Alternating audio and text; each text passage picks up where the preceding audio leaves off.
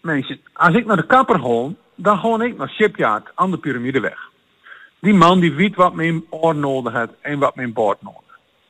Andere mensen die hebben zelf hier andere adresjes om eens in de zoveel weken even de puntjes bij te laten knippen.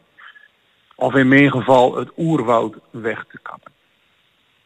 En voor sommige erkers is Tuinfeun misschien wel het adres. Nou, dat begreep ik. Het kost wat, maar dan heb je al wat.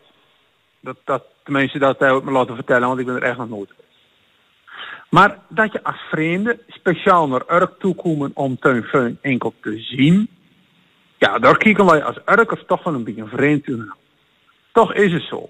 Dat komt, Tuinfeun is sinds een tijdje niet enkel een bekende Urker, maar ook een BN'er. Een bekende Nederlander.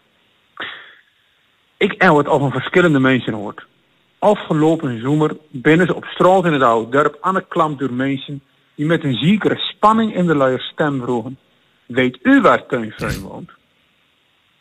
Op school in Ede maakte ik het ook al mee. Studenten vroegen of ik Tuinfeun kende. Ze wouden eigenlijk weten of hij ook echt besting. En als hij dan besting, of hij dan ook echt zo was als hij op tv was. Ja. Teun die kreeg deze zomer zo druk met fans dat hij op de deur van zijn kapsalon een briefje moest ophalen.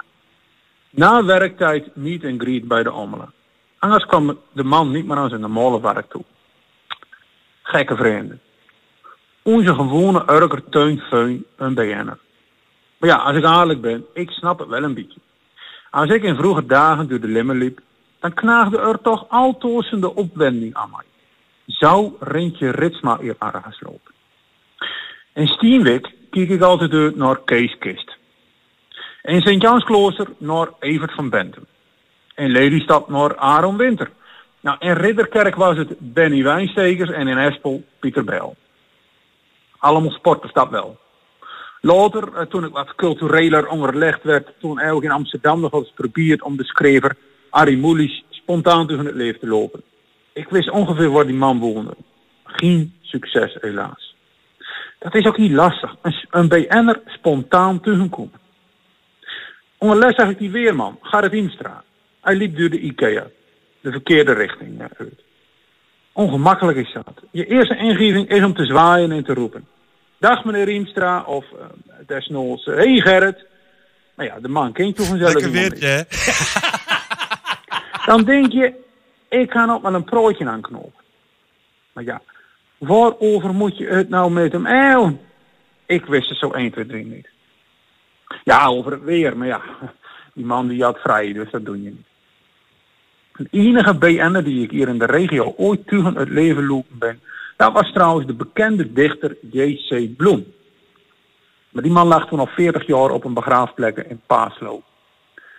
En nou, ik er zo over nadenk, weet ik eigenlijk niet wat er nog gekker is. Naar Urkraaien voor Tuinfeun of naar Paaslo voor een grafstie.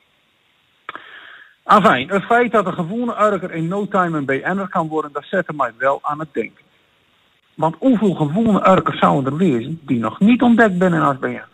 En die dat ook zouden kunnen worden. Het klinkt misschien gek, maar ik moest meteen denken aan onze eigen visser in de Vries. Want waar vind je nog zo'n programma? Een spelletje, een paar interviews, een column. En tussendoor gewoon muziek draaien wat je zelf verhaalt.